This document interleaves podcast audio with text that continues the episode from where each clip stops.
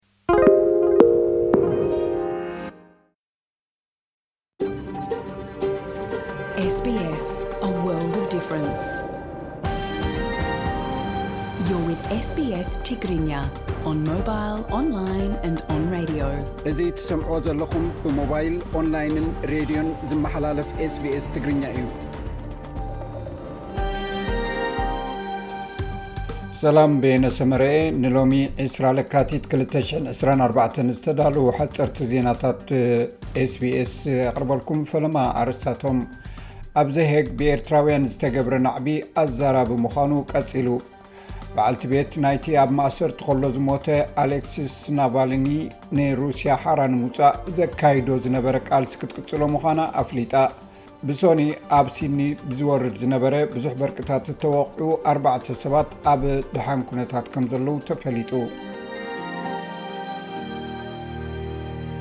ፍልስጤማውያን ተወከልቲ ነቲ እስራኤል ተቋፃፂራቶ ዘላ ግዝኣቶም ዘይሕጋዊ ምዃኑ ክእውጅ ንዳኛ ላዕለዋይ ቤት ፍርዲ ውድብ ሕቡራት ሃገራት ተሓቲቶም እቲ ጠለብ ዝቐረበ ኣብቲ ኣብ ዘሄግ ዝርከብ ኣህጉራዊ ቤት ፍርዲ ኣይሲj ንሓደ ሰሙን ዝፀንሕ ሳምዕ ምስ ተኸፍተ እዩ ሓፈሻዊ ባይቶ ውድብ ሕቡራት ሃገራት ብዛዕባ እቲ ኣብ ኣብ ክልተ ሽሕን ዕስራን ክልተን ዝተወረረ ልዕሊ ሓምሳ ሃገራት ክሳዕ ዕስራን ሽዱሽተን ለካቲት መጎተ ከቕርባ ትጽቢት ይግበር።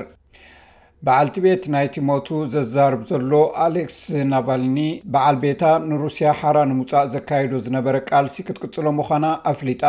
እቲ ፍሉጥ ተቃዋሚ ፕረዚደንት ቭላድሚር ፑቲን ዝነበረ ናቫልኒ ኣብ ዝሓለፈ ዓርቢ'ዩ ኣብ ዝነበሮ ቤት ማእሰርቲ ከም ዝሞተ ተነጊሩ። ናቫልኒ ተመሪዙ ኣብ ጀርመን ድሕሪ ምሕካሙ እዩ ናብ ሃገሩ ምስ ተመልሰ ኣብ ቀይዲ ኣትዩ። ዩልያ ናቫልኒ ብቪድዮ ኣብ ዘውፅኣቶ መግለፂ ቅድሚ ሰለስተ መዓልቲ ቭላድሚር ፑቲን ንበዓል ቤተይ ኣሌክሴይ ናቫልኒ ቀቲልዎ፣ ፑቲን ንኣቦ ደቀይ ቀቲልዎ ብምባል ንደገፍታ ቁጥዓኹምን ፅልእኹምን ናብቶም ንመፃኢና ክቐትሉ ዝደፍሩ ኣቕንዕዎ ክትብል ፀዊዓ'ላ። ሰብመዚ ሩስያ ግን እቲ መራሒ ተቓውሞ ነበር ሃንደበት ከም ዝሞተ ብምፍላጥ ብፍላጥ ከም ዘይተቐትለ እዮም ዝገልፁ። ሰራዊት ሩስያ ነቲ ኣብ ምብራቓዊት ከተማ ዩክሬን ዝነበረ ናይ መወዳእታ ናይ መኸተ ተቓውሞ ብምድምሳስ ንከተማ ኣድቪካ ሙሉእ ብምሉእ ተቖፃፂሮማ። እዚ ዝመፅ ዘሎ እቲ ወራር ሩስያ ኣብ ዩክሬን ካብቲ ኣብ 24 ለካቲት 2022 ካብ ዝጅምር ክልተ ዓመቱ ክኸውን ሒደት መዓልታት ኣቐዲሙ እዩ። ሓይልታት ዩክሬን ካብታ ብደብዳብ ዝዓነወት ከተማ ከም ዝወጹ ኣረጋጊጾም ኣለዉ። ሰራዊት ሩስያ ኣብ ጉንበት ክልተ ሽሕን ዕስራን ሰለስተን ንከተማ ባክሙት ካብ ዝሕዝ ንነጀው ኣድቪካ እታ ዝዓበየት ከተማ ዝሓዛ ብምዃና ንሞራል ሞስኮ ክብ ኣቢልዎ ይርከብ። ሶኒ ኣብቲ ሮያል ቦታኒካ ዝበሃል መናፈሻ ሲድኒ ብርቱዕ ህቦብላ ኣብ ዘጋጥመሉ ዝነበረን ብዙሕ በርቂታት ኣብ ዝወደቐሉ ብበርቂ እተወቕዑ ኣርባዕተ ሰባት ኣብ ደሓን ኩነታት ከም ዘለዉ ተፈሊጡ። እቶም ኣርባዕተ ሰባት ሶኒ ድሕሪ ቀትሪ ካብቲ ብዙሕ ኣብ ሲድኒ ዝወረደ ሓያል ነጉድን ዘናውጽ በርቅን ስለ ዘጋጠመም ሃለዋቶም ኣጥፊኦም ነይሮም።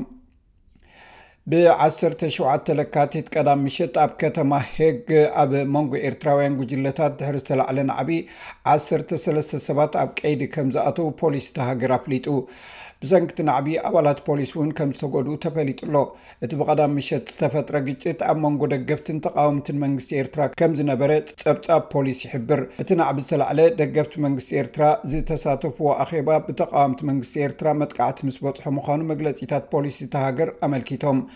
ኣብቲ ናዕቢ ኣብቲ ከባቢ ኣብ ዝነበረ መዐደሊ ነዳዲ ብጠርሙዝ ነዳዲ ዝተመልአ ብምብርዑ ነቲ ገደና ናብ ባርዕ ቀይርዎ ኣምስዩ።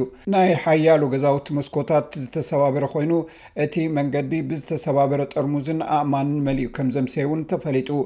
ብመሰረት ሓበሬታ ፖሊስ ክልተ ኣባላት ፖሊስ ኣብ ኢዶም መሃረምቲ ከጋጥሞም ከሎ ካልእ ፖሊስ ድማ ኣብ ኣስናኑ መጉዳእቲ ወሪድዎ ከተማታ ከንቲባ ያን ቫን ዛነን ነቲ ናዕቢ ፍንፉንን ዘይቅቡልን ክብል ገሊፅዎ ሚኒስተር ፍትሕቲ ሃገር ዲላን የሲልጎዝ ኣብ ዝሃቦ መግለፂ እቲ ኣብ ዘሄግ ዘጋጠመ ፍፃሜታት ፍፁም ተቐባልነት የብሉን ኢሉ ስርሖም ጥራይ ዝሰርሑ ሰራሕተኛታት ህጹጽ ኣገልግሎት ምጥቃዕ ፍጹም ካብ ስርዓት ወጻኢ ስለዝኾነ ሳዕቤን ክህልዎ ከም ምዃኑ እውን ኣፍሊጡ ኣሎ።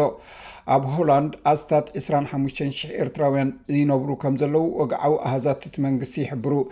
እዚ ፍጻሜ ኣብ ማዕከናት ዜና ሆላንድ ብዙሕ ዘዛርብ ዘሎ ኮይኑ እቶም ጸረ ስደተኛታት ዝኾኑ ሰልፍታት ነቲ ጉዳይ ከም መረጋገጺ ዝኽተልዎ ፖሊሲ ከም ዝገብርዎ ተራእዩ'ሎ። ብኣንጻሩ እቲ ተግባር ነቲ ስደተኛታት ዝድግፍ ሕብረተሰብ ብኸቢድ ተስፋ ከም ዝቑረጾ'ውን ተፈሊጡ'ሎ።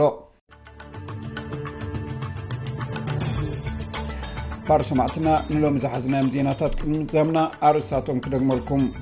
ኣብ ሆላንድ ዘሄግ ብኤርትራውያን ዝተገብረ ናዕቢ ኣዘራራቢ ምዃኑ ቀፂሉ በዓልቲ ቤቱ ናይቲ ኣብ ማእሰርቲ ኮሎ ዝሞተ ኣሌክሰይ ናባሊኒ ንሩስያ ሓራ ንምውፃእ ዘካይዶ ዝነበረ ቃልሲ ክትቅፅሎ ምዃና ኣፍሊጣ ብሶኒ ኣብ ሲድኒ ዝወርድ ብዝነበረ ብዙሕ ወርቅታት ዝተወቕዑ ኣርባዕተ ሰባት ኣብ ደሓን ኩነታት ከም ዘለዉ ተፈሊጡ እዚ ሬድዮ ስፔስ ብቋንቋ ትግርኛ ዝፍኖ መደብ እዩ